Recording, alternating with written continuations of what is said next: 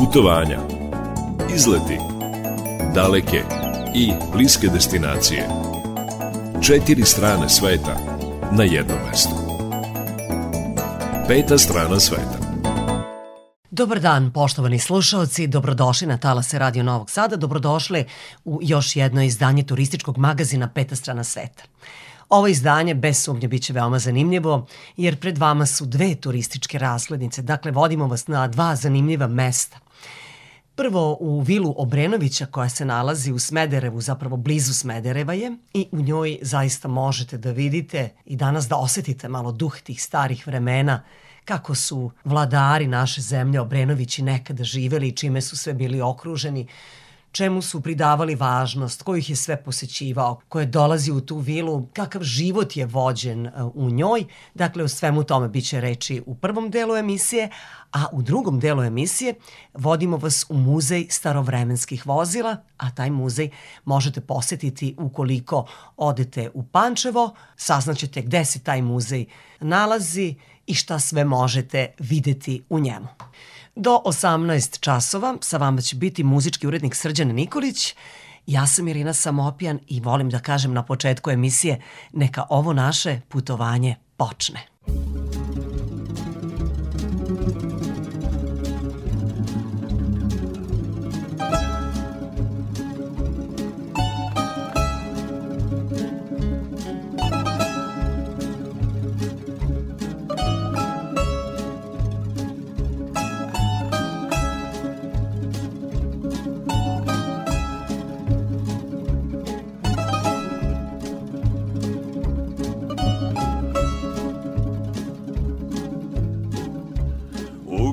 Kafani Usred mraka I onako mene čeka.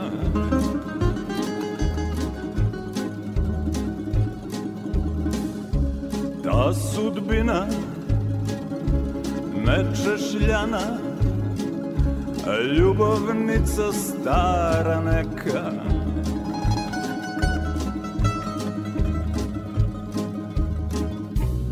Ne pita me gde ću noćas?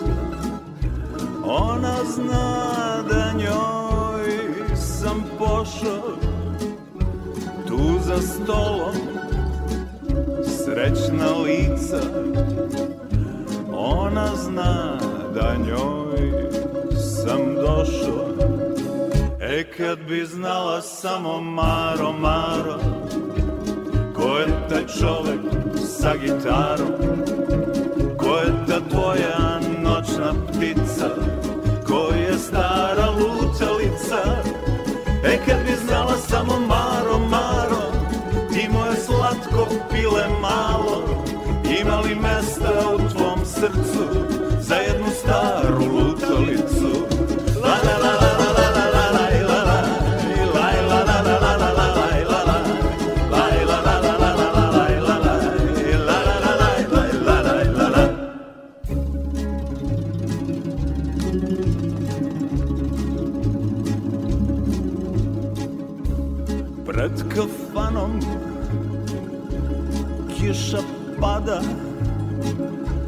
Sve se sliva s mog odela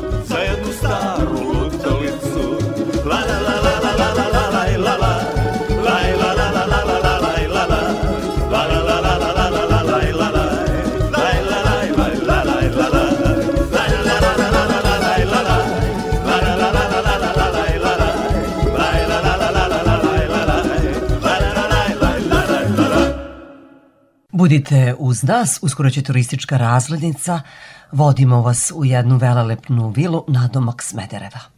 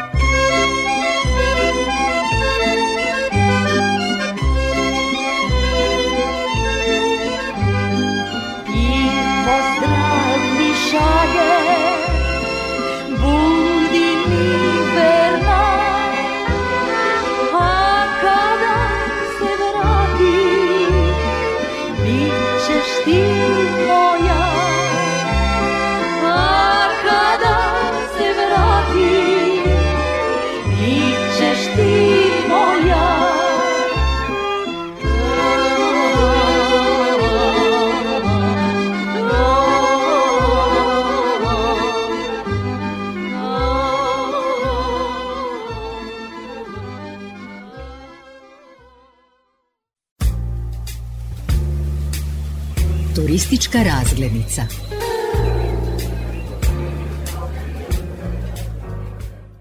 Vila Zlatni breg, poznatija kao Letnjikovac dinastija Obrenović, nalazi se na 4 km od centra Smedereva, u naselju Plavina. To je na starom putu Smederevo-Beograd. Kako je vila pripala dinastiji Obrenović, pregršt anegdota u vezi sa našim nepismenim, ali oštroumnim vladarom Milošem Obrenovićem Kako se odvijao život u vili, ko je sve tu boravio i ostale pojedinosti, doznali smo prilikom posete tog kraljevskog letnjikovca od turističkog vodiča Gorana Jovšića, koji radi u javnom preduzeću Smederevska tvrđava.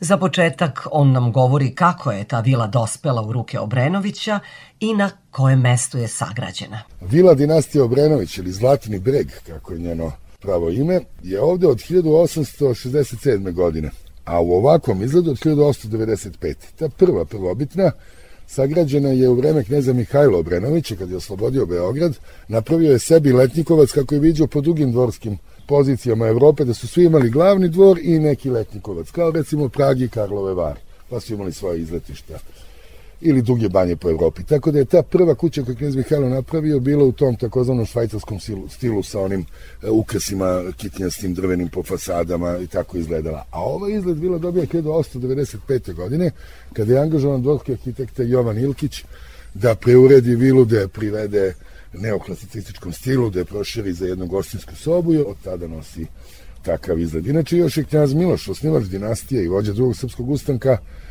što bi se reklo, bacio oko na manje i otkupio ga od jednog Turčina Muhameda Nožara 1829. godine i tad počinje istorija ovog mesta.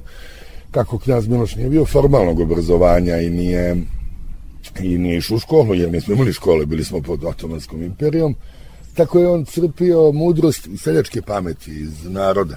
I brojne su njegove anegdote, neki ćemo i da pominjemo, ali jedna je vezana i za kupovinu imanja. Kaže se da je Turčin zacepio dvostruku veću cenu, tražio dve kese zlatnih dukata. Miloš Obranović je znao da je to preteran iznos, ali eto, pristao je. Turčin je, želeći da ga ponizi, stavio jednu kesu na sanduk na kojem je sedeo, a drugu je dao svojim konjanicima, izvidnicama i rekao, sad mi obiđite Srbiju i nađite mi isto ovakvo imanje.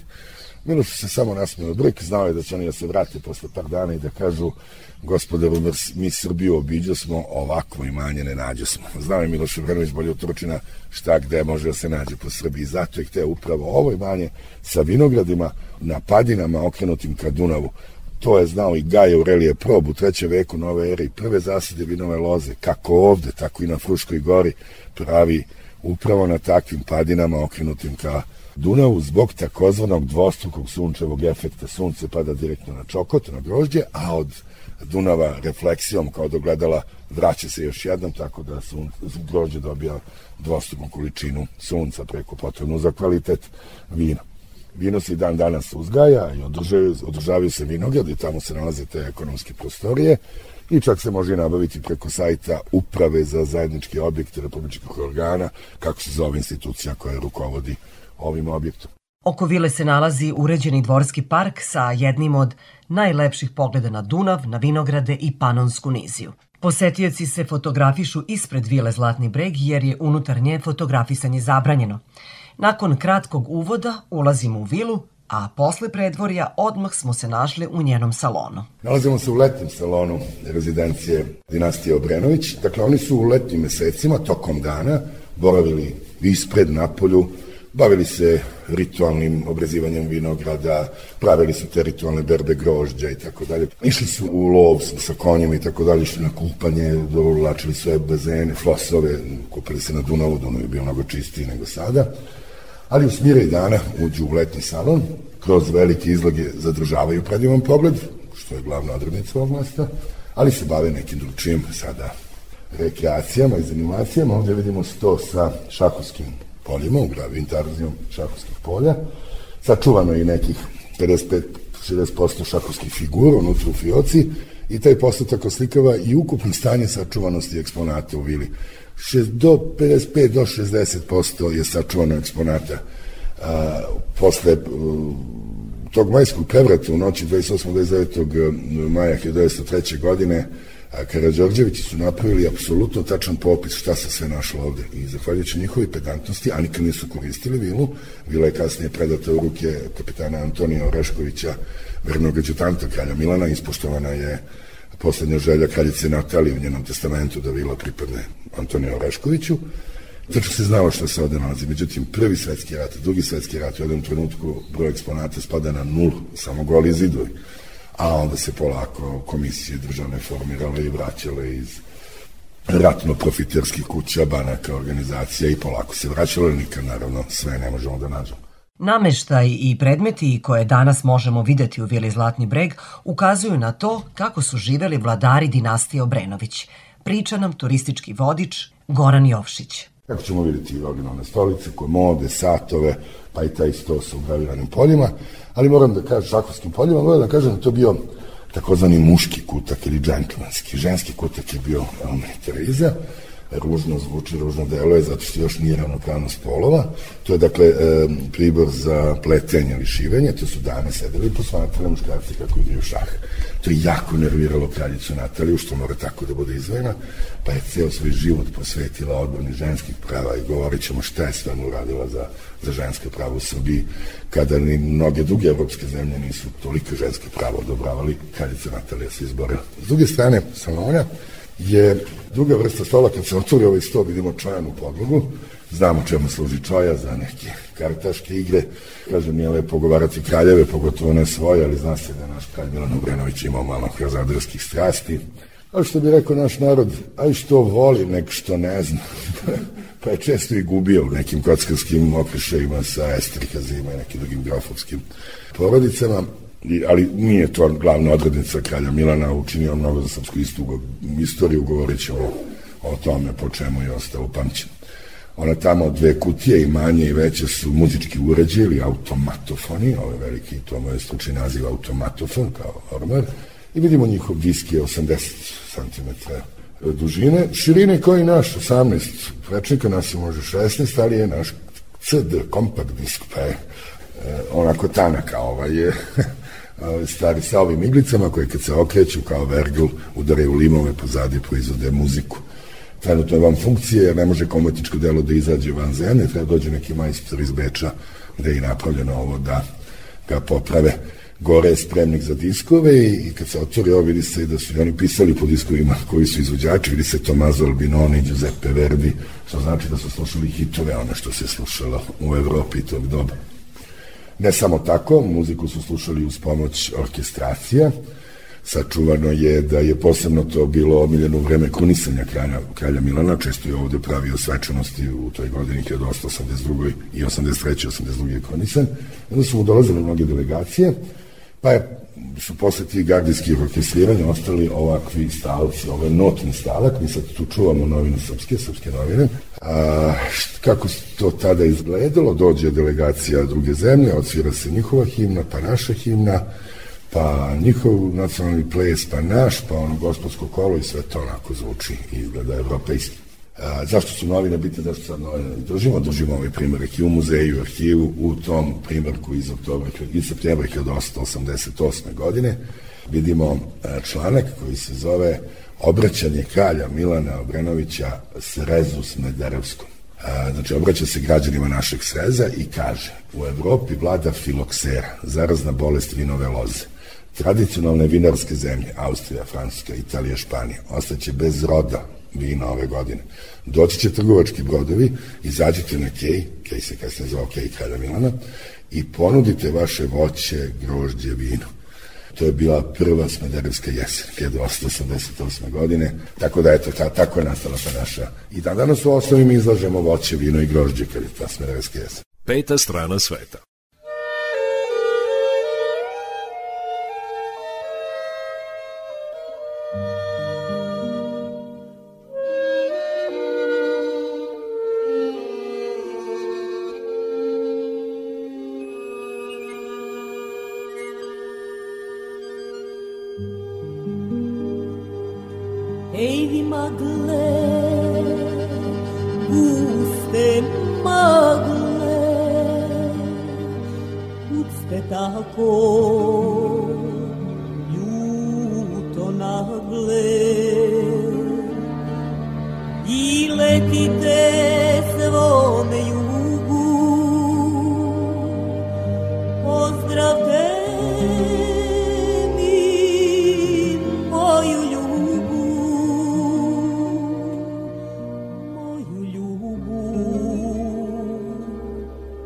laço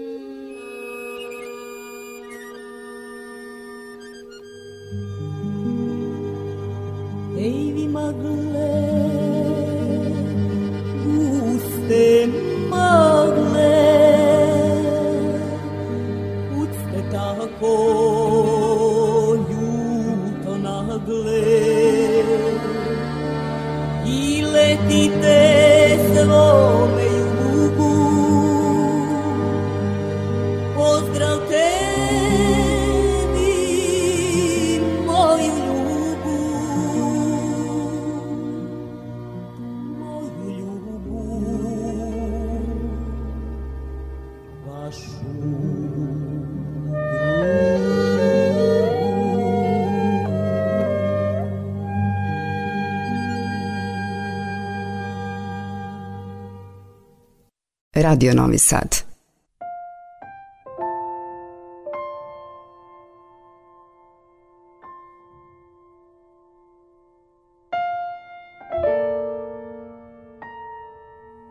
Vila Zlatni breg bila je letnjikovac dinastije Obrenović, ali je imala i zimski salon. To znači da su Obrenović i njihovi gosti u vili boravili i u zimskim mesecima. Priča nam Goran Jovšić, turistički vodič koji radi u javnom preduzeću Smederevska tvrđava, a prvo što uočavamo u zimskom salonu je kamin. Znamo po fotografijama iz srpskih novina i po svedočenju da se ovaj zimski salon koristio trojako. Prvi način najčešće ovako kako je sada postavljeno, stolica za kralja i kraljicu i kad dođe delegacija privuče se jedna od minijatura i onda se razgovara teta tet, što bi se reklo oči u oči, prima se delegacija. Drugi način je kada se rasklone te garnituri, postavi se veliki sto za ručavanje, pa se proslavi slava, porodična slava Obranovića bio Sveti Nikola, I imamo treći način kada se kaže da 40-50 ljudi moglo da sedi za tim, za tim svečanom trpezom ili kada je rođendan kralja ili tako nešto, ali imamo i kada je bal, kada se rasplani sve, pa se odigli oni kvadrili, gospodska kola i sve ono što je onako odisalo evropejstvom, jer Obrenović jesu bilo svedočeni evropejci.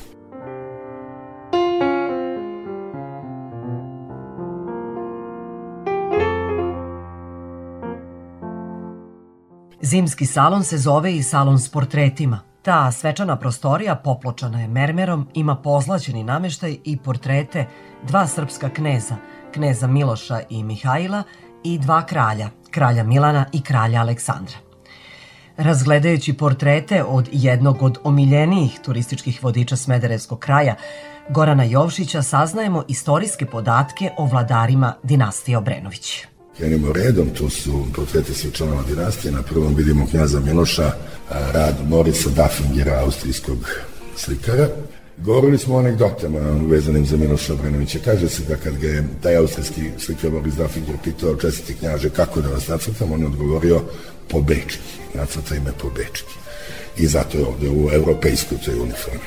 Šta reći o knjazu Milošu, koga ne voli, on će reći nepismen, svinjar, autokrata, vladao čustom rukom, jeste bio tog stava, država to sam ja, na zamerki da je ukinuo ustav, a ustavi služe da ustave, za ustave samovolju vladara, on ukine ustav, pa na kritike što bi ukinuo, kaže šta hoćete, ja sam ga doneo, pa ću ja i da ga ukinem. Tako da vlado, eto, smatruje da može da vlada neograničeno moći.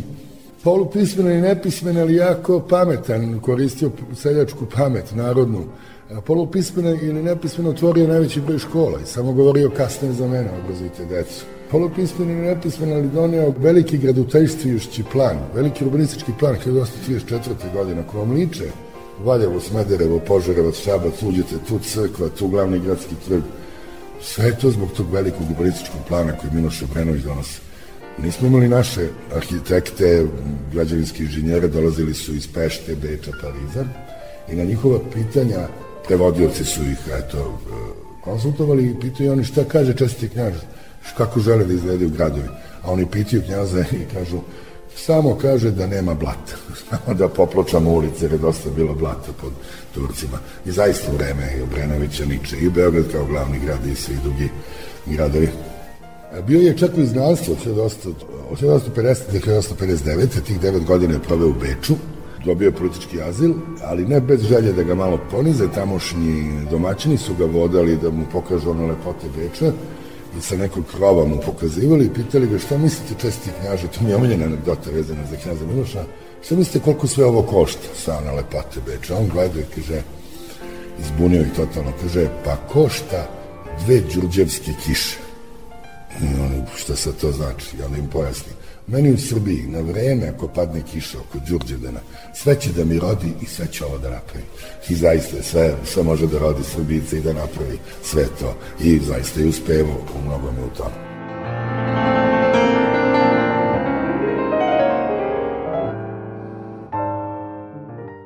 U zimskom salonu nalazi se i portret sina Miloša Obrenovića, kneza Mihajla, koga pamtimo kao izuzetno obrazovanog vladara koji je u to vreme govorio čak pet jezika.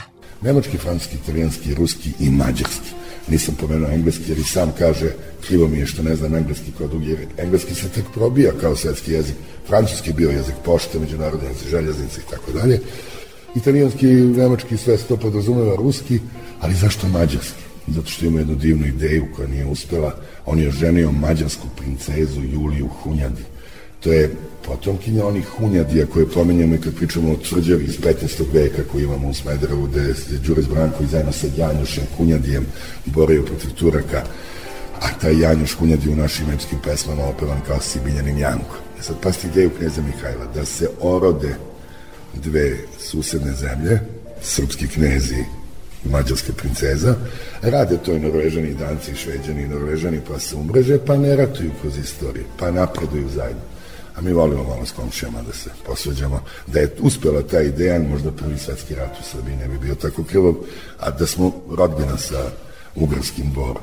To je bila njegova ideja. Međutim, taj brak nije dao decu, razveli su se, mm, ostao je malo ucveljen, pa ne samo da je bio suštin intelektualac, on je bio i vedrog romantičarskog duha, čuvena je pesma što se bore misli moje, mislimo da tek neki tamburaši to pevaju, a u stvari to je jedinstven primjer da je knez Mihajlo, jedan knez jedne zemlje, vladar napisao tu pesmu što se bore misli moje, to je pisao knez Mihajlo Obrenović. Najveća zasluga mu je naravno oslobođenje Beograda 1867. godine, zato je dobio ulicu knez Mihajlovu, i šta je još oslobodio Beograd, Smederevo, Kladovo, Užice, Šabac i Sokograd. Peta strana sveta.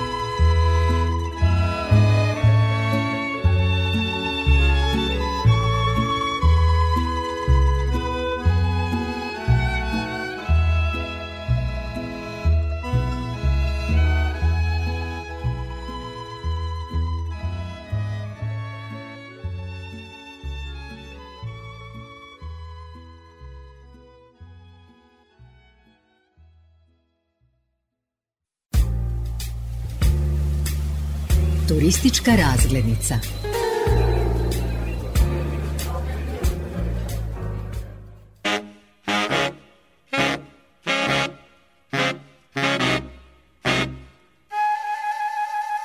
Ovu turističku razglednicu posvećujemo Vili Zlatni breg, Vili Obrenović. Još uvek se nalazimo u zimskom salonu.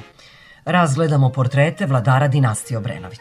Mali čas iz istorije drži nam turistički vodič u toj vili Goran Jovšić. Pitam kučenik iz Beograda zašto knjez Mihajlo dobija ulicu, oni ne znaju, pa rekao, zato što grešite, zato što spomenik zovete kod konja, umesto da ga zovete punim imenom, spomenik knezu Mihajlo Oslobodiocu. I onda biste znali da je knjez Mihajlo oslobodio Beograd 1867. Znači, taj spomenik je rad Enrika Pacija Fiorentinskog vajara, i, i rukom pokazuje ka jugoistoku na delove koji još nisu oslobođeni. E, ti delovi su oslobođeni u vreme najpre kneza, a kasnije kralja Milana.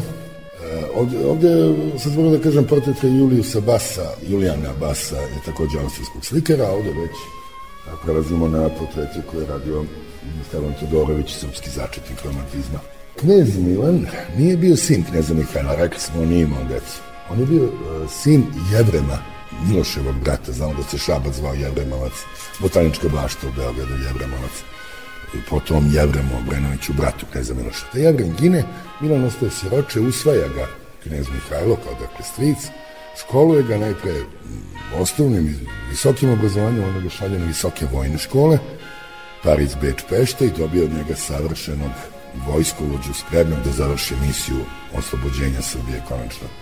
Upravo knezu Milanu 1878. godine biva uručen, odnosno njegovi delegaciji, na Međunarodnom političkom kongresu u Berlinu biva uručena povelja o nezavisnosti kneževine Srbije. To je bilo 1878 četiri godine kasnije, 1882. kralj Milan, rekli smo da ćemo o njemu u superlativima, već četiri godine kasnije kruniše se za kralja, uradio je tu manastiru Žiča, gde je krunisano i sedam kraljeva iz dinastije Nemanjić. Naravno, to radio tamo da bi pokazao da smo, eto, opet kraljevina. Mesto Karanovac, 4 km od Žiče, u znak krunisanja kralja Milana, dan danas nosi naziv Kraljevo, zbog toga se zove Kraljevo.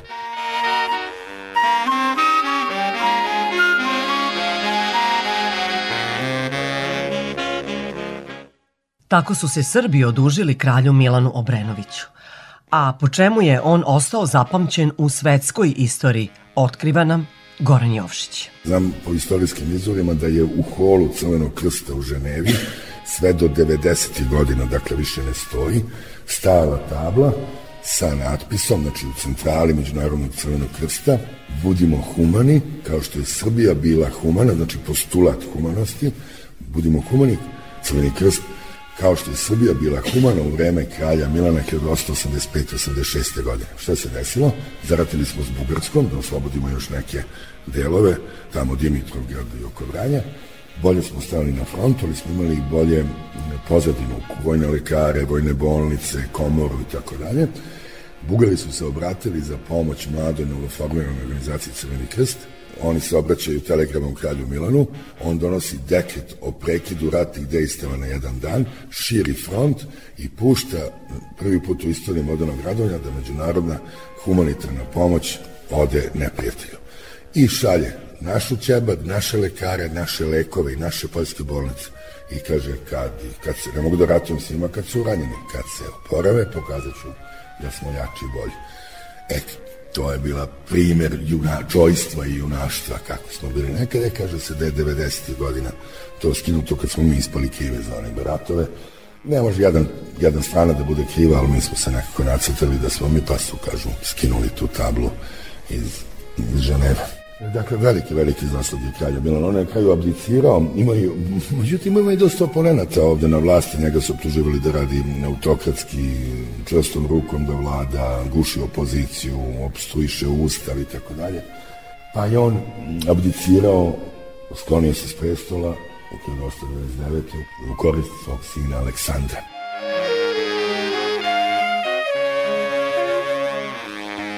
Veoma je zanimljiva i istorijska ličnost kraljice Natalije, žene kralja Milana i majke poslednjeg Obrenovića, kralja Aleksandra. Ona je bila iz rusko-moldavske veze, e, Čiburnijadze se pozivala majka, a otec Keško, kapetan Keško, ruski pukovnik, čak ne kapetan. Ali na pitanje dvorjana i novinara šta je ona ruskinja ili moldavka, ona je odgovara, ili gruzika ili šta već koja već porekla ima, Ona je odgovarala da je srpkinja, jer je udata za srpskog kneza, kasnije kralja i da je sada srpkinja. Život je posvetila ženskom pitanju. Insistirala je da devojčice imaju pravo da idu u školu, znači obrazovanje, a kad završi školu, onda insistira kod kralja da se zaposli kao učiteljica, onda muški svet svet nije puštao da sad neka učiteljica počne da radi, ili da bude doktorka ili ne znam profesor u školi. Ona je sve turgirala kod kralja i mnogo se borila za ženska prava, čak i da naše dame dobiju pravo glasa na nekim izborima, mnogo pre nekih evropskih zemalja koje vole danas da nas poduče demokratiji. Ok, u nekim delovima i treba nešto da naučimo, ali neke delove smo znali možda i, i pre drugih, baš zahvaljujući Karici Natali. Volela je sve žene i borila se za njih, osim jednu, svoju snaju, kako to biva, kraljicu Dragu. Ona je projeklom e, iz porodice Lunjevica, to je bila poznata vojnička porodica, dala je mnogo zaslužnih oficira. Bila je udata za Svetozara Mašina, zato Draga Mašin, pa ste sablazan, kraj 19. veka, ona već raspuštenik. Nju kraljica Natalija dovodi na, na dvor da poduči ljubavnim veštinama maloletnog kralja Aleksandra. On se zacopao, nije se odrekao te ljubavi, je ostao privržen, iako je bila, eto, raspuštenica, 11 godina starija od njega, on je ostao privržen toj ljubavi. Mnogi su bili protiv tog braka, posebno oni koji su negativno reagovali na sve veće moći koje je dobila ta porodica Lunjevica i bili ih je svud u ministarstvo odbrane, na važnim pozicijama, već se raširili javila se i malo je reći politička opozicija, to je bilo više od toga, to je bilo zavreništvo na čelu sa e, Dragutinom Dimitrijevićem Apisom, koji organizuje i sprovodi majski prevrat u noći između 28. 29. maja 1903. godine. Likvidirani su poslednji u nizu Obrenovića, kralj Aleksandar i kraljica Draga. Evropska štampa je brujala o tome bukvalno godinama, nismo mogli da veruju kakvi smo mi barbari, s koliko uboda noževa, mačeva su pronađena ta osakaćena tela, kao da oni nisu svoje kraljeve ubijali, ali eto, opet smo se mi nacrtali da smo eto barbari, da je to grozno grozan način da je ubijeno poslednji izdanci dinastije Obrenović. Tako se izvala serija koja je snimana ovde, poslednji dani dinastije Obrenović upravo ovde. I pogledajte, u samo četiri koraka, u samo četiri kolena, Miloš, Mihajlo, Milan, Aleksandar. Samo 88 godina, nepun vek vladanja Srbijom, a Srbija koju su oni preuzeli i koju su ostavili s budućim naroštajima dve različite Srbije. Kaže se, niko ništa u grob nije poneo, pa mislim, oni sve što su izgradili ostalo je Srbiji, a Srbija pre njih i posle njih diametralne razlike, znači da moderna zemlja sa makakvim dokumentima, institucijama, ustovima, sudovima, školama, muzejima, pozorištem, jedna moderna Srbija.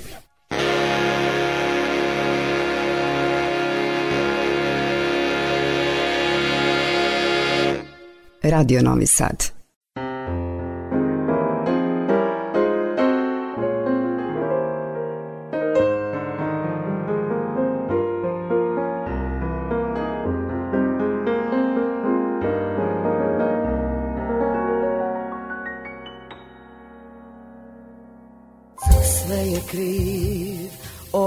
Kišni dan Za sve je kriv ovaj tmurni grad Polako zaboravljam tvoj zagrljaj. Hladna samoća me uzima Ko stranca me gleda. Ova ulica Svaka kap kiše na tebe me podsjeća juče još ko svaka kraljica Ja sam imala svoga kralja. Ja sam imala svet pod nogama I u treptaju ostala sama. A juče još samo ti si mogao jednim osmehom u život da me vratiš Sve je to u trenu nestalo. Prošli su dani, prošli su sati. Za sve je kriv onaj kišni dan. Za sve je kriv ovaj tmurni grad. Polako zaboravljam tvoj zagrljaj. ko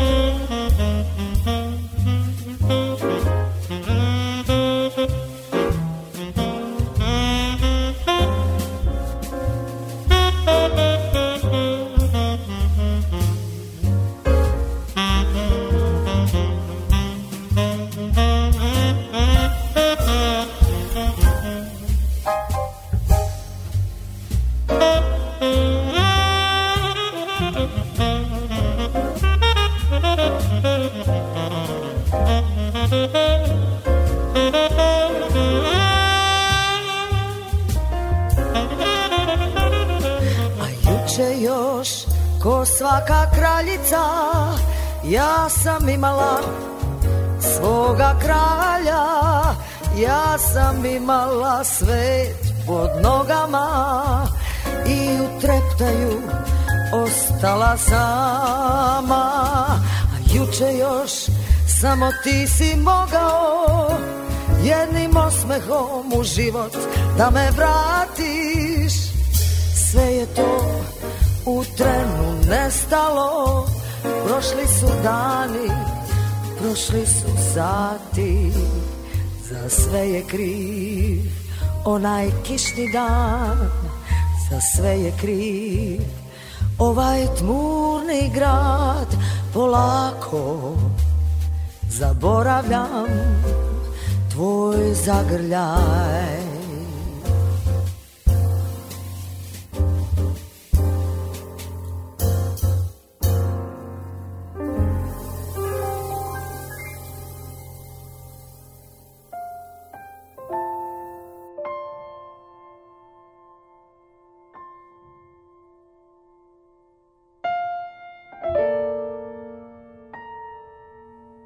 Ukoliko turistički posetite vilu Zlatni breg, blizu Smedereva, čućete veoma zanimljive priče o dinastiji Obrenović, o njihovim vladarima, saznaćete koje su njihove bile navike, kako je pripremana i nabavljena hrana koja je služena u vili Zlatni breg i to smo saznali od našeg turističkog vodiča Gorana Jovšića. Kvalitetna ishrana, posebno domaćim proizvodima. Maršal dvora, upravnik dvora, posle ćemo ići u njegov kabinet, je znao za jedan odličan način, tako kažem, snabdevanja, fazon. On dođe ovde pre kralja, kralj mu kaže idem sledećeg vikenda dočekivaću delegacije u, u Vili Zlatni breg kod Smedera. A on dođe pre njega, obiđe susedna sela, sačuvani su ti, ti dokumenti, te kvitice, i kupi od seljaka, raspita se ko ima najkvalitetnije jagnje, prase, kajmak, bresku, šljivu, što god, samo da nije vino, to već imaju na svom imanju, opremi kuhinju, ali seljaku da kviticu. To je kao sad fiskalni račun, samo onako A4. Jasno pisam ono da je dvorska kancelarija otkupila od Petra Petrovića toliko jaja, toliko kajmaka, da ne kaže ovaj da je kralj otao. A promoću seljak koji nema kanale marketinga, urami lepo to i to se do skoro čuvalo po nekim seljačkim kućama, pa stavi na svoju kapiju ili na tezgu i kaže, evo, kod koga kupuje kralj koji ima najkvalitetniju Tako da kreću društveni odnosi, neki kreću, kreću u reklamiranje. Dolazili su i francuski kuvari da od tih domaćih proizvoda poduče naše kuvare, da se sad eto, uspostavljamo kao država, kao nomenklatura, ovaj, da poduči naše kuvare kako se prave od ribljih specialiteta, nekih od kečige, neka kečiga s meonezom, to je kao bio tu neki recept čuveni. Naravno da su služili najskupo cenijim estegom, ovde iza nas je britanski ili Wedgwoodov pribor za čaj, jako skupocen, a ovo ovde je Hereni porcelan mesto u Mađarskoj koje je proizvodilo te porcelanske servise, da on danas su skupi, ali u to vreme bila je stvar prestiža i svaka plava loza sve dinastije evropske su imali taj Herendi porcelan sa svojim žigom, znači posebno napravljen u unikatnoj seriji, nije dakle moglo da, kao takav ovo je drugi eksponat u vili po skupocenosti, od više stotine hiljada evra pretpostavke, oko pola miliona evra može da doživi na nekoj aukciji, da dobije, a gore na spratu ću vam pokazati najskuplji eksponat.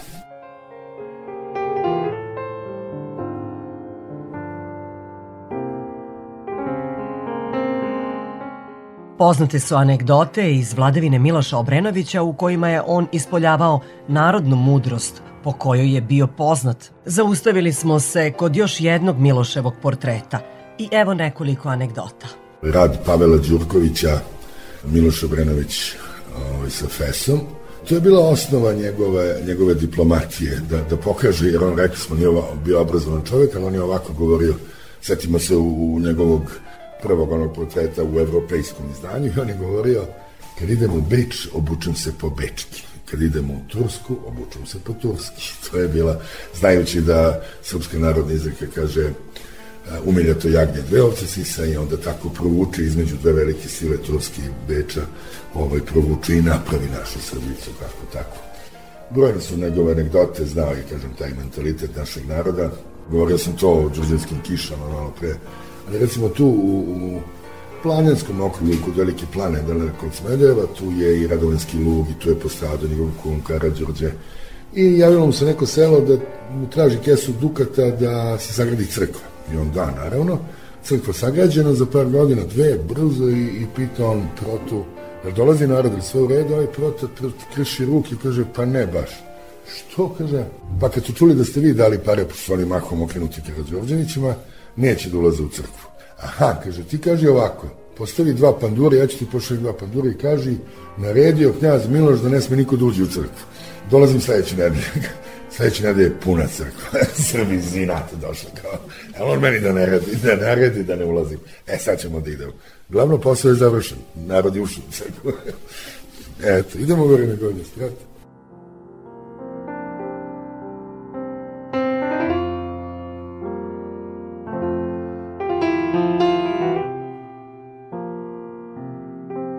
Na spratu Vile Zlatni breg u kabinetu kralja Milana Obrenovića videli smo najskuplji eksponat u tom zdanju.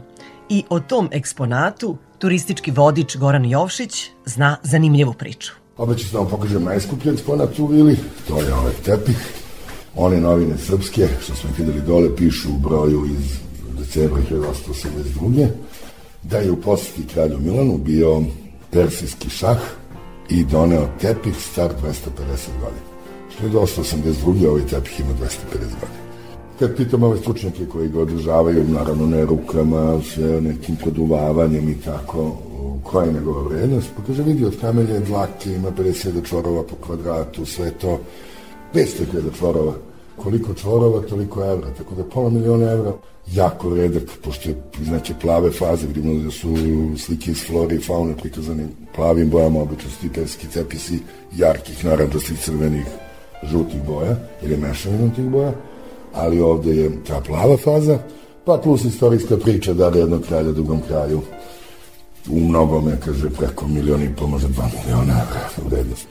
Da, jako vredan eksponat. Naravno da je bio ukraden posle drugog svetskog rata, to je pronađen na nekoj, aukciji u Beču, prepoznan Uroš Predić, prijavio je, pa je formirana i državna komisija, išli dokazivali, pokazivali slike iz kabineta da to taj tepih, ne su crno-bela, ali vidljivo je da to taj, ovi su bili toliko korektni da su skinuli sopcijske liste i, i vratili novce.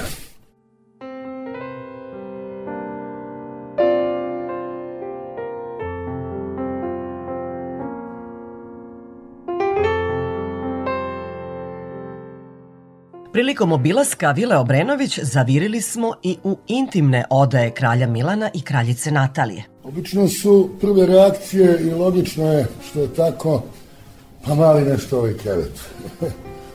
da, zato što je ovo spavaći krevet Milana Obrenovića, dakle ne porodični, nek su po sto puta kralj i kraljica ne spavaju zajedno. Već je to samo za jednu osobu, za kralja Milana.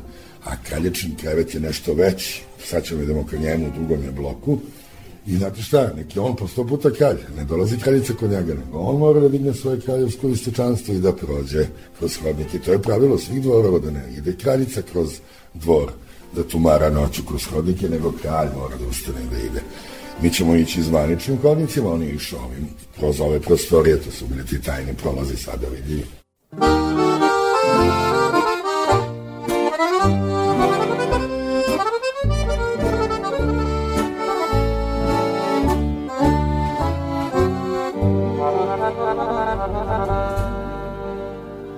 Nema više ljubavi, nema više žara, nema više one lude radosti. Ostali smo ja i ti, sami teško nama, ostali bez one naše mladosti jer možda nisi Nisi za mene ti Niti za tebe ja. Al nismo mi prokleti Takva nam je sudbina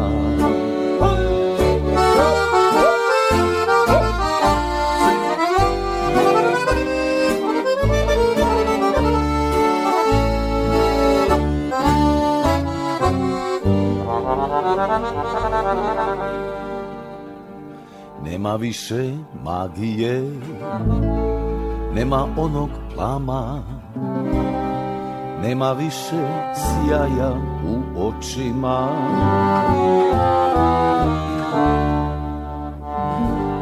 Nema više čarolije Pokrila nas tama Ostala je samo bol u noćima Jer možda nisi, nisi za mene ti. Niti za tebe ja. Al nismo mi prokleti. Takva nam je sudbina. I nisi za mene ti. Niti za tebe ja A nismo mi prokleti. Takva nam je sudbina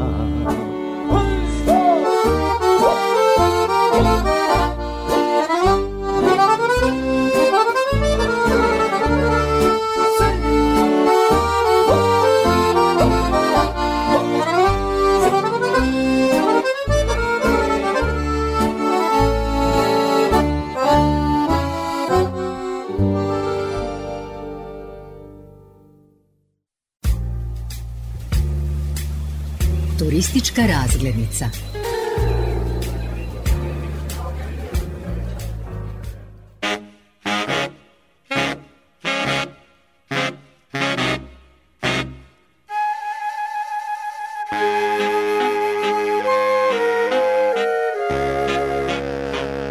Od Gorana Jovšića, koji je naš turistički vodič u Vili Obrenovića, saznajemo da se dvorski život u tom zdanju odvijao za vreme vladavine kralja Milana i kraljice Natalije.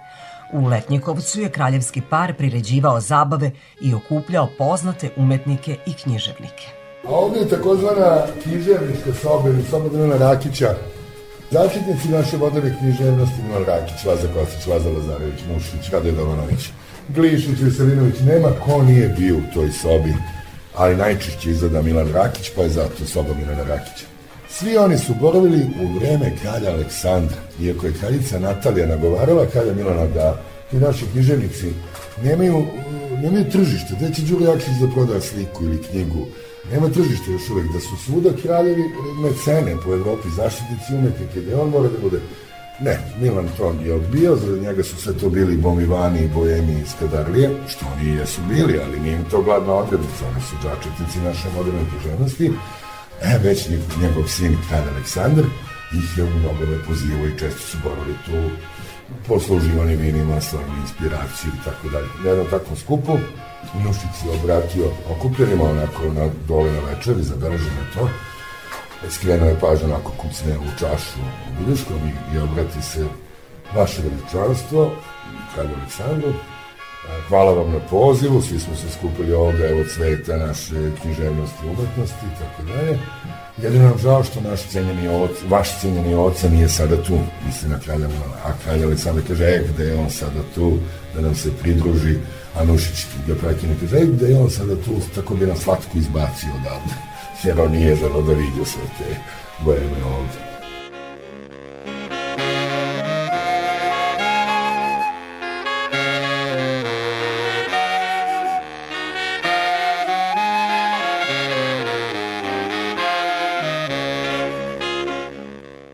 Izvan vile u malom amfiteatru bile su izvođene i predstave. Ovde na ovom platovu je sam Nušić znao da e, izvodi predstave, ali ne svoje, nego recimo so, ovu Sofku ili nečistu tu izvodio, ali ne svoje. Svoje predstave, njegove predstave su bile su više pune žalka prema dinastičkim ovim vladarima, tako da je tuđe predstave igrao. Jedan put je nameštao tu scenografiju, potvrđena anegdota, prolazio je kralj Aleksandar, visok štrkljas kako ga Bog dao, on se pravio da ga ne prepoznaje i kaže šta se klipe to muvaš tu, bolje mi dodaj ovu dasku. I kralj Aleksandar dodaje Nušiću i kaže neka bude Nušiću da me niste prepoznali. O, to ste vi, vaše visočanstvo, vas nisam prepoznao. Nego ko što ga Bog dao samo da bušne, da, da napravi neku foru. To je bio Nušić. Do duše šalio se na svoj račun. Kad je on postao upravo na zalaganje kralja Aleksandra i kraljice Drage, on postaje upravnik Narodnog pozorišta u Beogradu, seda za upravničku fotelju i kaže da vidim ja što se ne igra na moje sumnjivo lice, što čami u fioci. Izgledam ti ja, kaže, sumnjivo lice, prelistam, vratim u fioku i kažem, dok sam ja upravnik, ovo se neće igrati. Sad kad je on s druge strane, su više škakljivo da bi se igra. Tako da je jako, jako zanimljiva ličnost.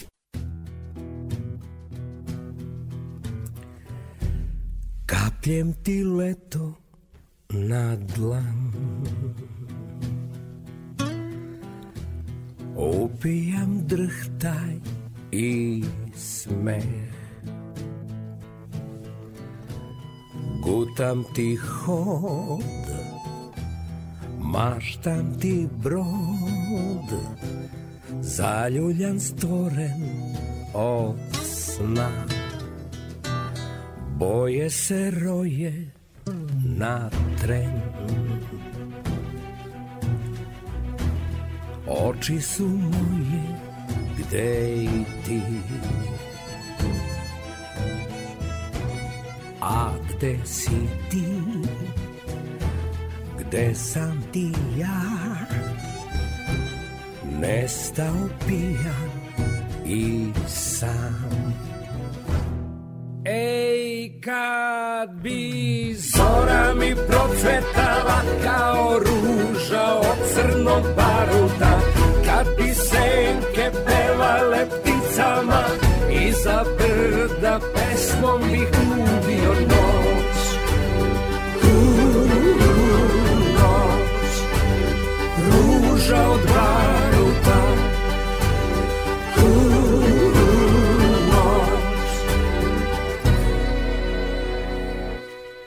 Kapljem ti mene na san.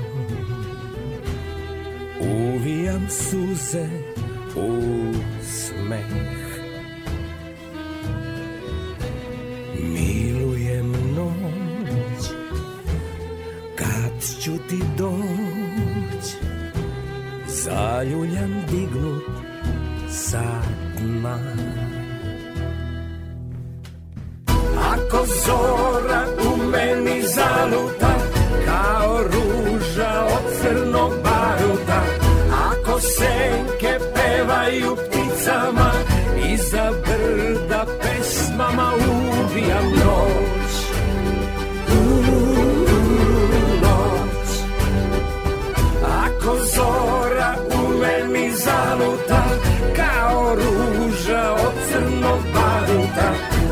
senke pevaju pticama Iza brda pesmama ubijam noć noć Ruža od baruta noć Radio Novi Sad.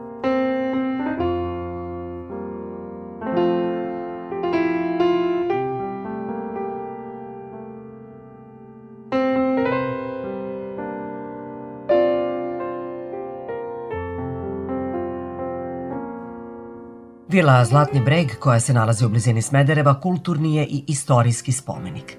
To je zdanje koje čuva istoriju, ali i eksponate iz 17., 18. i 19. veka. Njoj danas posvećujemo pažnju. A naš turistički vodič je Goran Jovšić iz javnog preduzeća Smederevska tvrđava. Dobio sam podsjećanje i ako ne treba ovaj, kriti to, da ispričam čuvenu priču o smederevskom nameštaju. Smederevski nameštaj, nesvakidašnji atentat na kralja Milana kaže, e, kralj Milan Obrenović svojim memoarima, imao sam par pokušaja atentata, bila je ona voždovačka bomba kad je pala na krov automobila, ali kaže, niko kao moji smederevci. I mnogo sam ljut, neće više da dolazim u taj grad. Pa je, šta se desilo?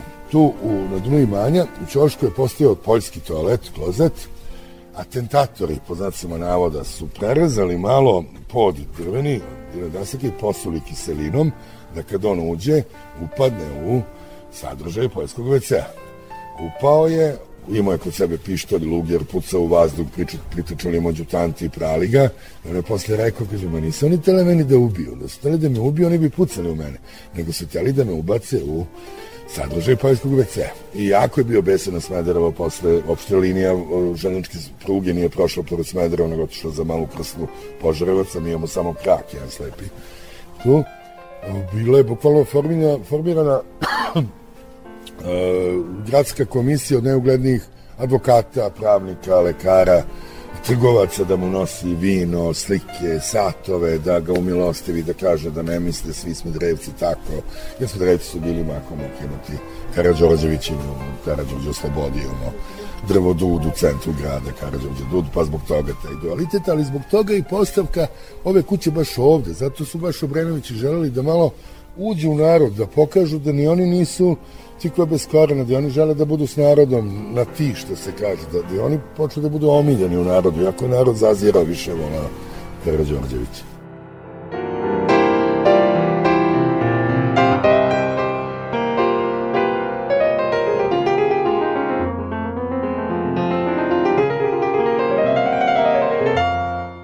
Za kraj u Vili Zlatni breg videli smo i portret jednog veoma važnog Turčina. Ovo je jako bitan za našu istoriju, ali baš je Liza. Evo ga ovde. On je predao ključeve grada Beograda knezu Mihajlu. Kako? Kaže se da su dojahali na belim koljima. Već su bitke bile završene. Počele su oko onog događaja na Čukru Česmi, ubijen dečak naše. Mi smo se digli i tako dalje. Već smo ih polako porazili ali sam čin predaje izgledao tako što je Ali Paša Riza, dizdar Beogradske tvrđave, dojahao sa knezom Mihajlom na belim konima, iznad Kalemegdana se viorila turska zastava, popeta je srpska, postojale su par sekundi zajedno, spuštena je turska, presavijana i predata. Kako civilizovano, slatkasto, u američkim filmovima, da je tu da lete ruke, da šiklja krv, nešto se civilizovano desilo u našoj istoriji, zahvaljujući tom čoveku, Turčinu, kome je bilo jasno da je njegova imperija na umoru, da ne može više da drži Beograd i da bar u miru i dostojanstveno preda. Njega je već čekao Silan Gajtan jer izgubio Beograd. U Istanbulu su ga zadavili, ali eto, do poslednjeg trena je ostao dostojanstvo. Kaže se da su i prethodno oni knez Mihajlo bili prijatelji, posećivali se, jer to je već bilo izvesno da ćemo ih preuzeti, ali eto, moglo da bude još krvi da nije bio razum.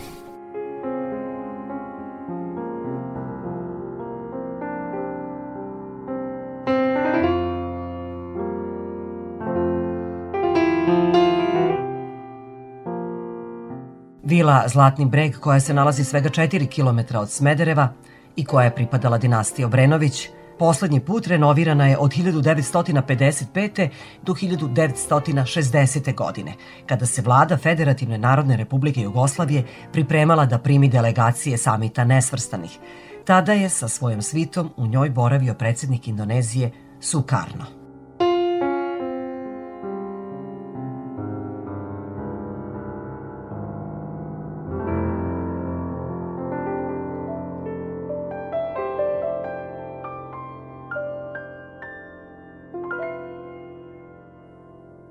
Peta strana sveta.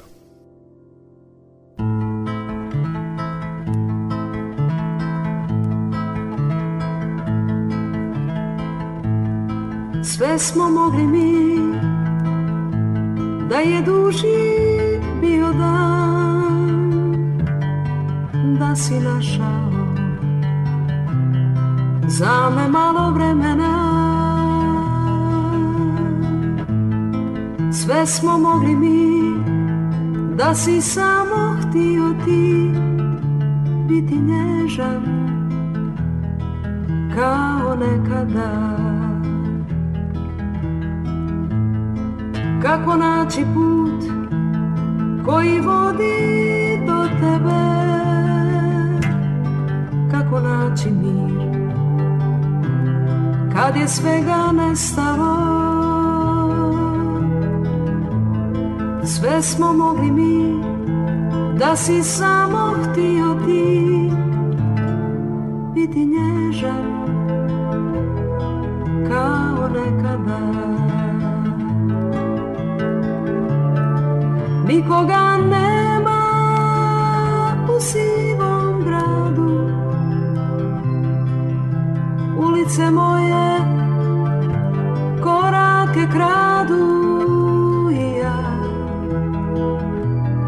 kao sjena sad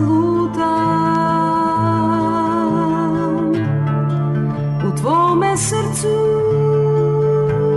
padaju kiše I sve se naše polako briše i svijeta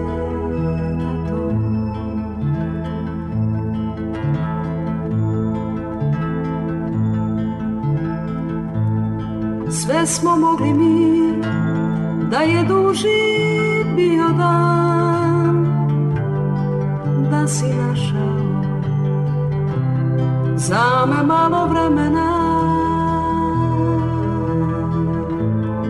Sve smo mogli mi da si samo htio ti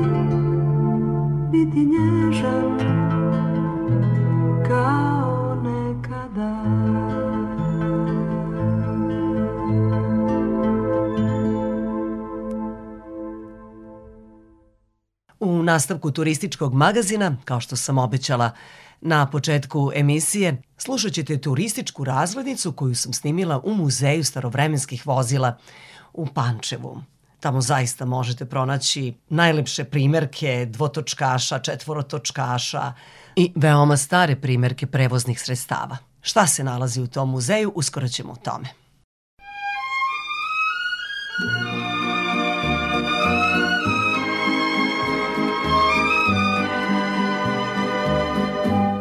Moja priča to je priča srca moj. Moja tužna ljubav stvorila je nju. Jedan roman kao mnogi koji rođeni su juče ili bit će sutra dan. To je plamen kojim gori život naš. To je san što budan snevaš svaki dan To je stablo prema suncu što od naše krvi lista Da nam uzme snagu svu.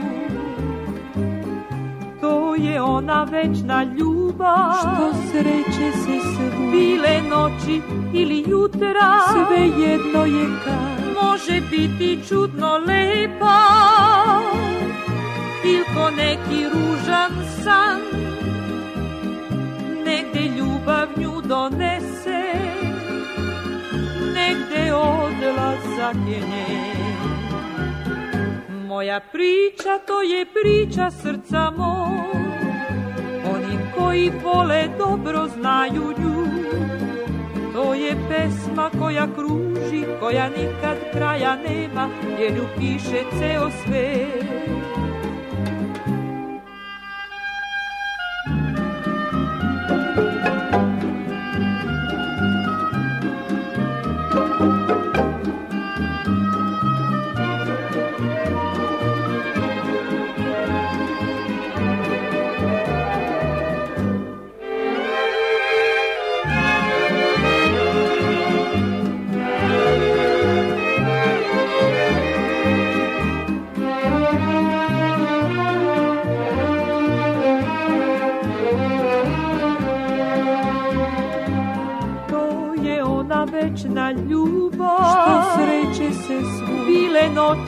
ili jutra. Sve jedno je kad. Može biti čudno lepa. Ili ko neki ružan san. Negde ljubav nju donese. Negde odlazak je njen. Moja priča to je priča srca moj. Oni koji vole dobro znaju nju To je pesma koja kruži, koja nikad kraja nema Jer nju piše ceo svet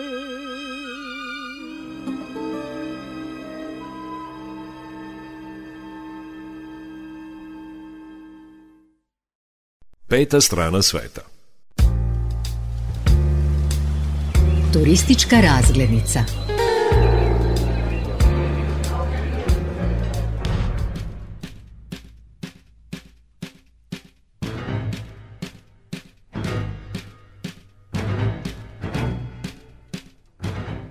Došla sam u Pančevo, došla sam u muzej koji je svojevrsna zbirka starovremenskih motocikala.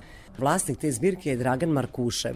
E, Dragane, pre nego što uđemo u vaš muzej ili zbirku, kako više volite da kažete, mada u nazivu stoji jedno i drugo, onda nas ovde pred ulazom dočekuju dva automobila. Jedan mm, smešni, moram da kažem smešni BMW, jer se ulazilo spreda u njega. I to, I to su jedina vrata. Da. E, to su jedina vrata bila. Znači, to je automobil sa jednim vratima, plavi, plavi mali BMW, koji, ajde da kažemo, možda pretiča, ako ćemo o, o obliku automobila da kažemo, pretiča fiće. Jel izgleda tako? Evo ovako, ja ću da, da te ispravim malo, nemoj da se ljutiš. To liči na automobil, u stvari se vodi i u saobraćenoj i vozi se sa A, to je u stvari motocikl od 250 kubika. Ali ima izgled malog Ali stvarno, ja moram da kažem, ali stvarno izgleda kao automobil, da. tako da nemojte mi zameriti. Izgleda kao automobil zato što ima četiri točka, do duše dva prednja su normalna, ali ona dva su sužena od nazad, pa li, liči kao da su tri točka. Postoji i takve verzije, ali ovo je sa četiri. To je u pitanju, u pitanju je BMW Zeta iz 58. godine na devetu od 250 e, kubnih santimetara. Inače, automobil je za restauraciju, do duše za sada je u pristojnom stanju, ali zaslužio onako malo više pažnje. S obzirom na to da sam ja došla u muzej motocikala, a ovde nas ispred očekuju jedan automobil, motocikl i jedan automobil. Ovo je sad stvarno automobil, ne može da bude motocikl, da čujemo i, i priču o njemu. To jeste mali automobil, malo, malo veći, ali ovaj, i takođe i mali. To je automobil 560 e, kubika, inače u pitanju je Fiat Topolino iz 52. godine, u stanju sedi i vozi, za razliku od BMW i Zete koje i to tek prethodi. E sad ćemo da uđemo u vaše motociklističko carstvo. Dobrodošli, izvolite.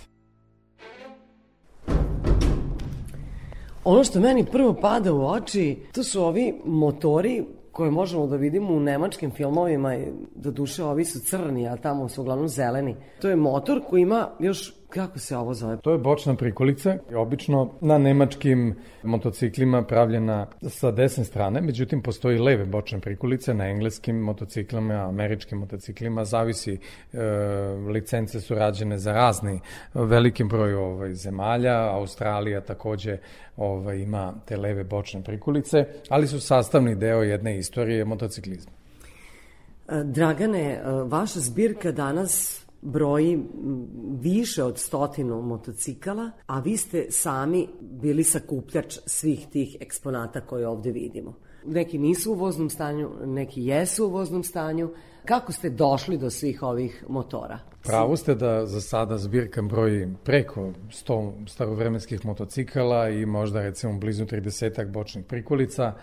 Pa sve je teže doći do njih. Nekada su to bili stari motocikli koji su skupljali prašinu i paučinu u nekim starim šupama, ambarima i sličnim mestima, gde su ljudi malta ne želeli da oslobode prostor, pa smo se vrlo lako dogovarali i u vezi cene ili zamene ili nekih usluga i slično.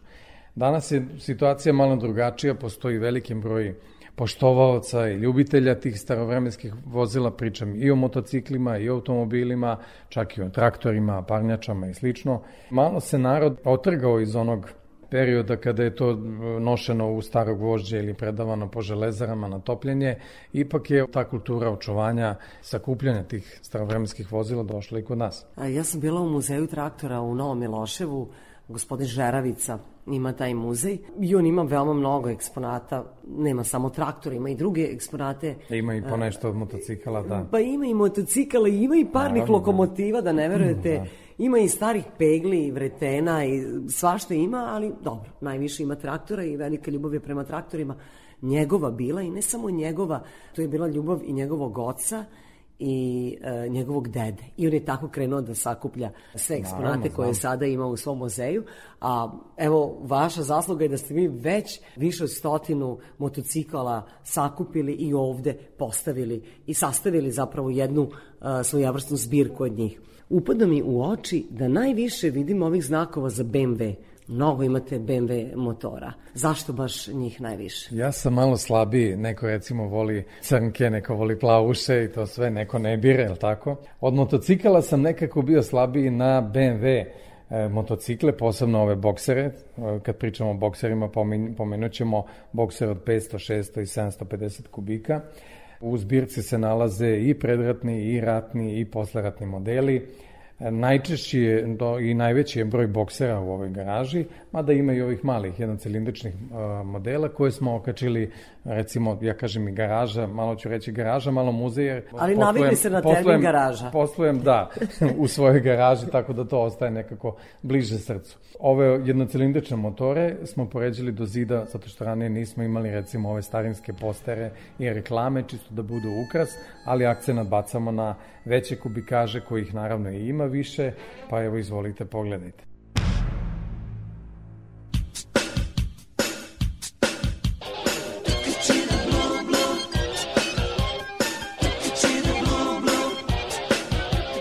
Kad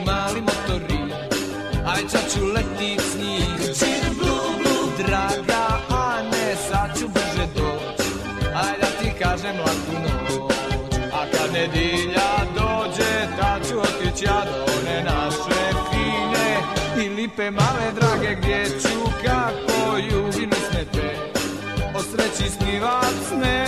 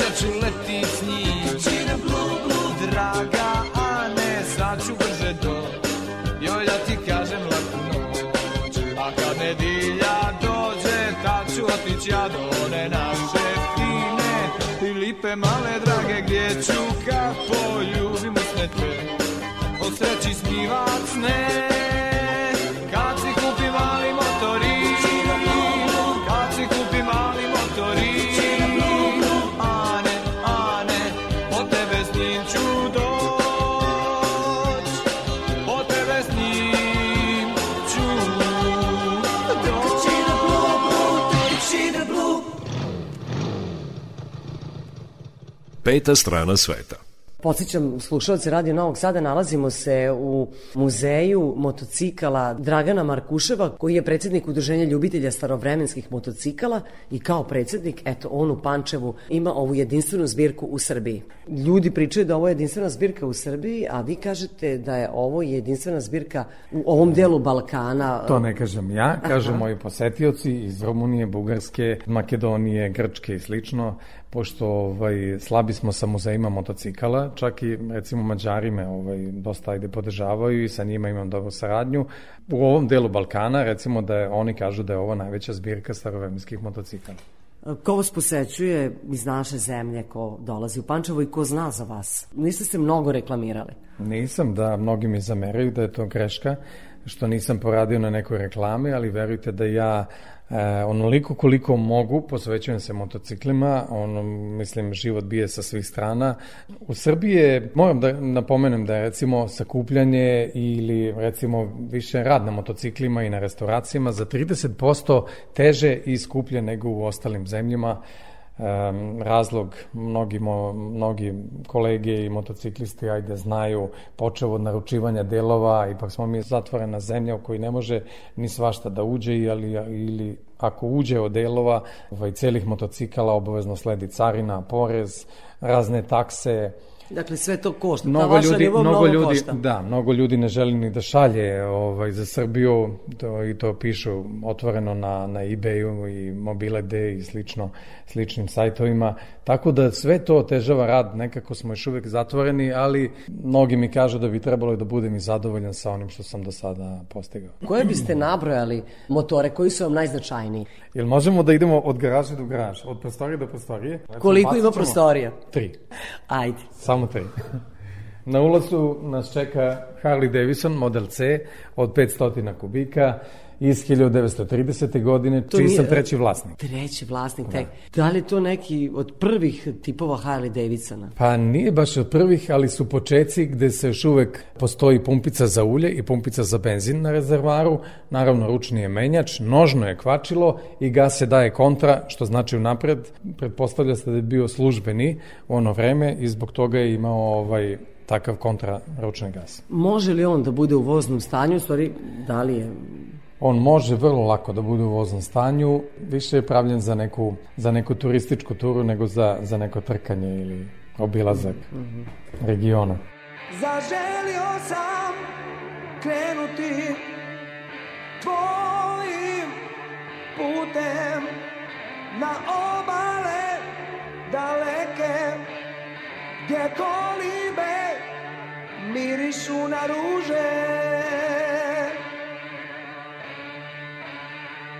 Burmanskim putem stići ću pred zid plaća uzete za ruku i povesti da nitko ne zna.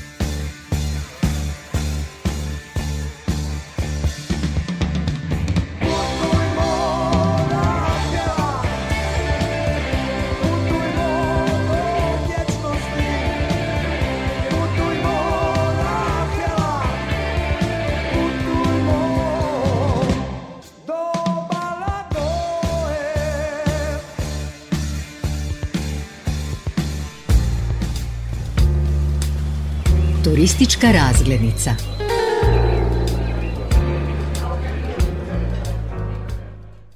U obilasku Pančevačkog muzeja starovremenskih motocikala zavirila sam i u privatnu garažu vlasnika, odnosno kolekcionara starih modela, Dragana Markuševa.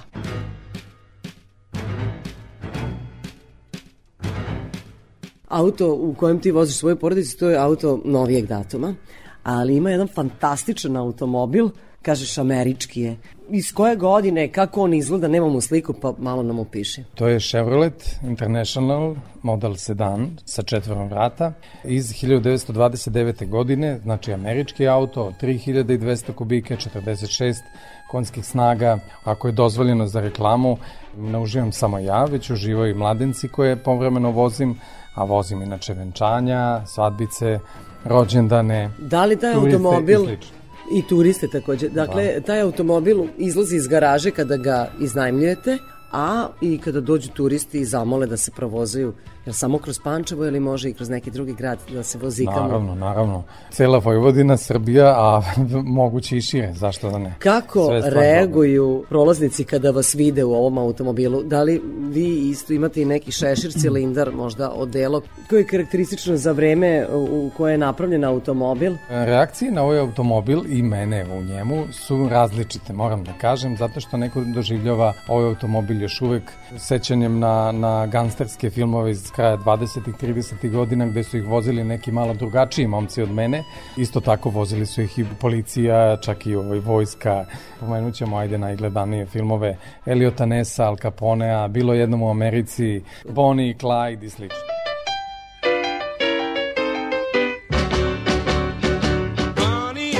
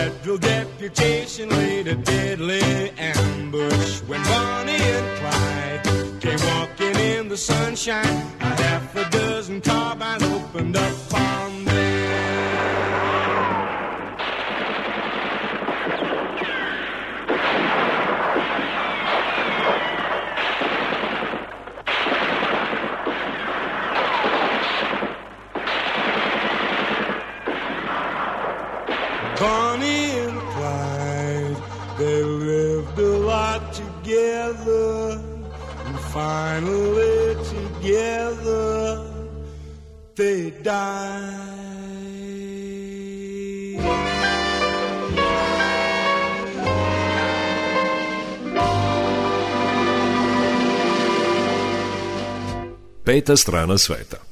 Chevrolet, američki automobil Dragana Markuševa u Pančevu, koji datira iz 1929. godine, možemo videti i u pojedinim domaćim filmovima.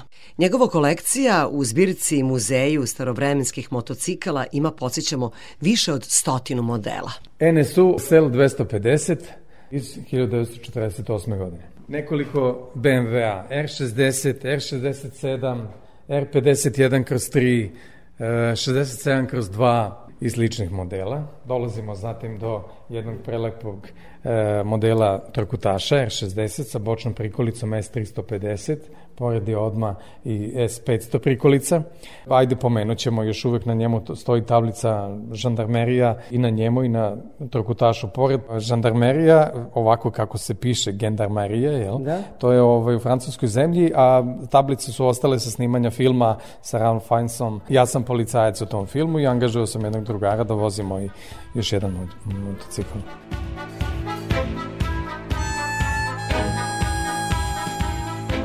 Dolazimo do Benelija, TN 250 model koji započinje svoju priču 35. godine, 34. 35. godine. Inače nekada je vožen na trkama oko Kalemegdana. Zatim dolazimo do BMW R51 iz 38. godine sa bočnom prikolicom Felber by Wagen, takođe iz 38. godine, pravljenog za Puha 800, a koji je napravljen, odnosno proizveden u 550 komada. A ova bočna prikolica ima i vetrobran, ako tako mogu da nazovem taj... Vetrobran, e, to je damska prikolica, znači malo luksuznija, a. da dama ne strada od vetra. Ona može zapravo da se uvuče pod taj vetrobran i da ne Jest. pokvari frizuru. Tako, baš tako.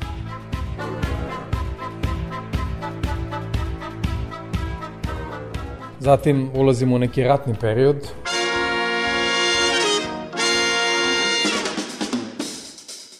najčešći ratni motocikl. Imamo mitraljez. Da, to je najčešći ratni motocikl BMW R12, 750 kubika iz 40. godine. Na njemu je još uvek postolje i mitraljez. Bio je najčešći motocikl za vreme drugog svetskog rata.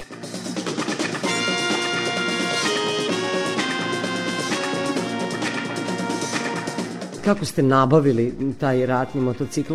On je zaista veliki, ima i mitraljez, nije mi jasno gde ste ovo pronašli. Pa da budem iskren, motocikl potiče sa ovih prostora, tako da je priča se završava negde u Zaječaru, u okolini Zaječara, ali ovaj, nedostalo dosta delova, pa sam se potrudio e, širom naše zemlje i boga mi do Grčke sam stigao, naravno razmenjivajući razne delove od Gnome Rona, francuski ratni motor za BMW R12 da bi ga što više kompletirao.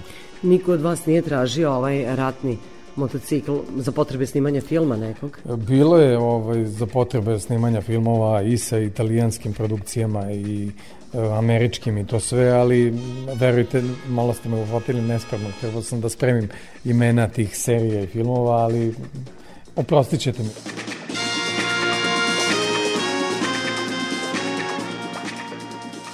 BMW R71 iz 39. godine, R51 iz 38. Bianchi Stelvio iz 48. godine, I tako dalje, i tako dalje. Ima veoma mnogo da. motocikala da. koji su iz prve polovine 20. veka. Rekli smo da kod Žeravice u njegovom muzeju traktora ima i drugih eksponata. Kod vas, e, osim toga što ima starovremenskih automobila, ima jedan bicikl, stari, stari, stari, sa onim prednjim točkom koji je ogroman i, i zadnjim koji je mali. Da. Neki ga zovu penny farting, neki ga zovu velosiped, ja ga zovem velosipedom. Ovaj, to je nešto što je isto ajde preteča motociklizma, znači prvo su ljudi vozili biciklove, pa su se dosetili da to može još brže da ide, stavljali su e, pomoćni motor na bicikle, pa su nastali bicikli sa pomoćnim motorom i onda smo prešli u motocikle i danas, evo ovde se vidi jedan deo istorije motociklizma, pa nadam se da će ostaviti dobar utisak i na vas i na sve ostale posetioce.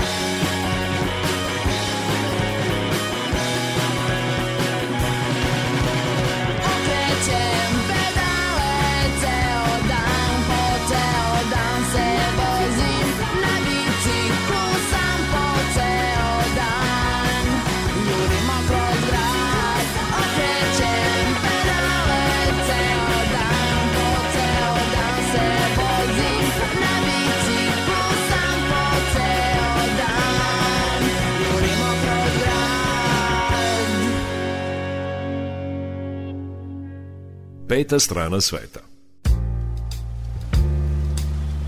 Turistička razglednica.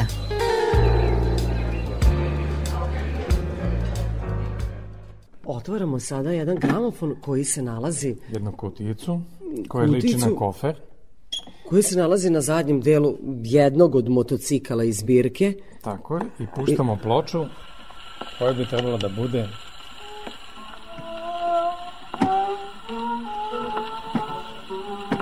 neku staru ploču.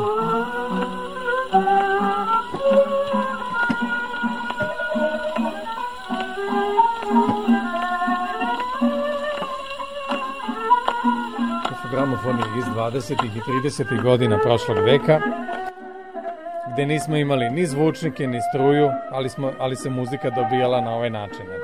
A taj način je da vi okrećete kurblu i Tako se Tako putem, pokrećete ploču. putem zategnute opruge u mehanizmu okreće ploča i igla ovaj prenosi zvuk. Ja je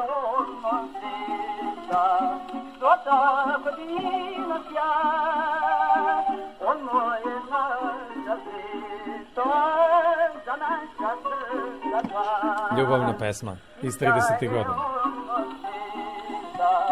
Что-то Ой, sjajna belo, to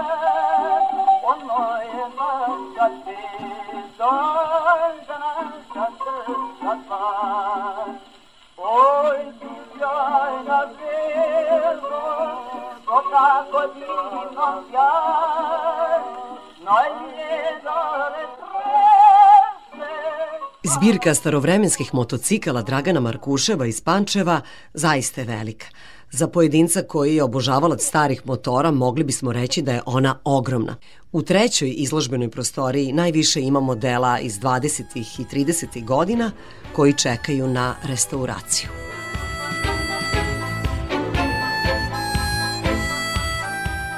U ovoj trećoj prostoriji imamo dosta motocikala za restauraciju, ali recimo izdvojit ćemo e, Moto Gucije, Sport 15, Sport e, GT 16 i 17 u delovima, zatim e, Cindapa K500, Peugeota, Cindap K500 iz 33. Peugeot iz 36. 37. Cindapa S300 iz 29. 30. Kaltorpa iz 29. BMW R11 od 29. do 34. model New Imperial iz 29. Ariel Gabriela iz 27. 28. Bjanke iz 36. I još mnogo, mnogo. Dragane, koliko vi imate godina sada, ako nije tajno? 44. 44. Treba mi još jedno Prosto, pet života pa, da restauriram sve ovo. Možda je to istina, ali vi ste do 44. godine života sakupili više od stotinu motora, pa mogu misliti šta ćete do kraja svog života još da sakupite i kako ćete da kompletirate ovu kolekciju.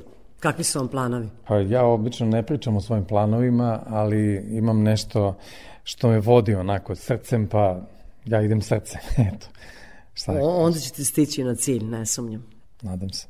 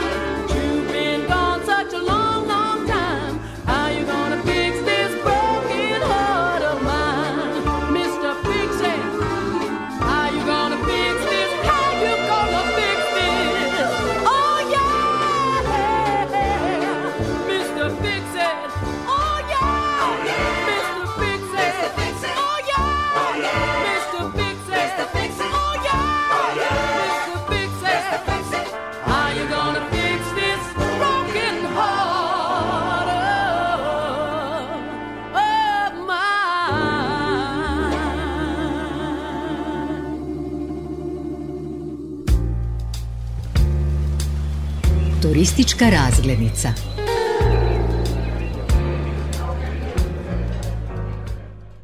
Dragane, ovde dolaze i ekskurzije. Dobrodošli su posetioci iz svih delova naše zemlje i šire.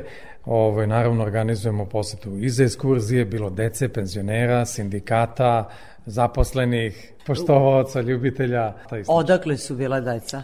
Pa bile su deca iz svih krajeva naše zemlje, ali očekujemo na proleće ipak neku malo ozbiljniju priču, zato što ćemo uh, stupiti sa turističkim organizacijama i agencijama koje takođe mogu da prave angažmane za posete ovih muzeja, tako da ovaj, želimo da uđemo i u tu priču i da malo ozbiljnimo shvatimo našu turističku ponudu. Kada mogu da dođu posetioci, kako da vam se najave, kako da vide ovaj jedinstveni muzej u Srbiji koji se nalazi u Pančevu? I moj kontakt telefon je slobodno ga objavite 063240817 i recimo da je neko pravilo da se najave posetioci, pošto ja živim na ovoj adresi, popodne jesam obično tu, ali recimo kad nisam, da mogu da dođem i da pokažem kolekciju. Svima koji su sa... zainteresovani, bez obzira na to da li su to individualni posetioci ili su nemamo radno grup, vreme. grupne posete. Tako je, nemamo radno vreme, ali smo uvek raspoloženi za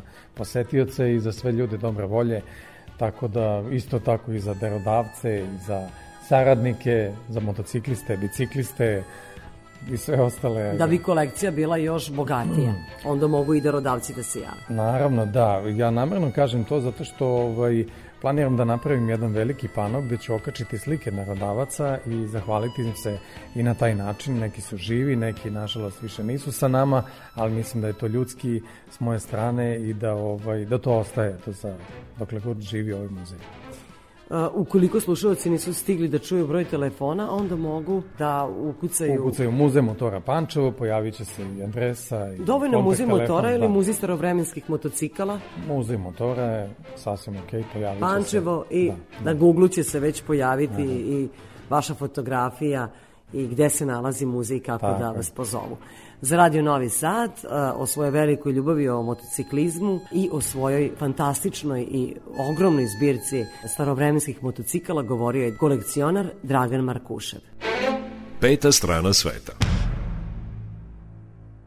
Bilo je to sve poštovani slušaoci što smo vam pripremili u ovom izdanju turističkog magazina Peta strana sveta. U 18 časova su naše najnovije vesti, a potom i naša najstarija muzička emisija Randevu sa muzikom. Sa vama su ovoga petka bili i pozdravljaju vas do narednog muzički urednik Srđan Nikolić i Irina Samopjan. Mi vam želimo srećen put. dan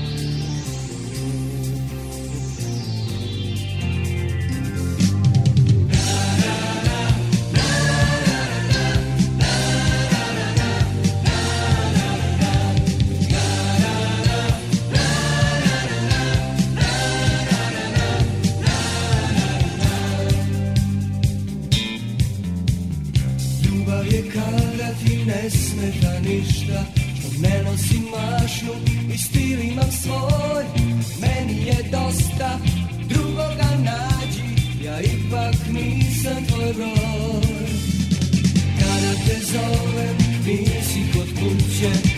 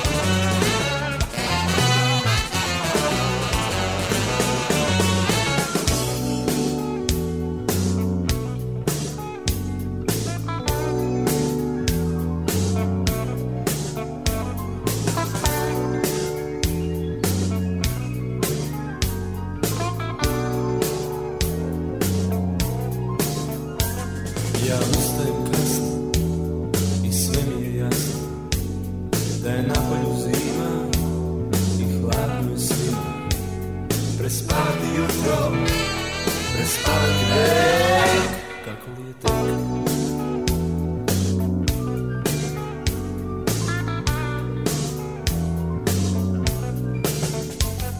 Ja ne pratim šta Jer unapred znam. Na dobre mi vesti ne miriše dan Prespavati jutro, prespavati vek Kako li je tek?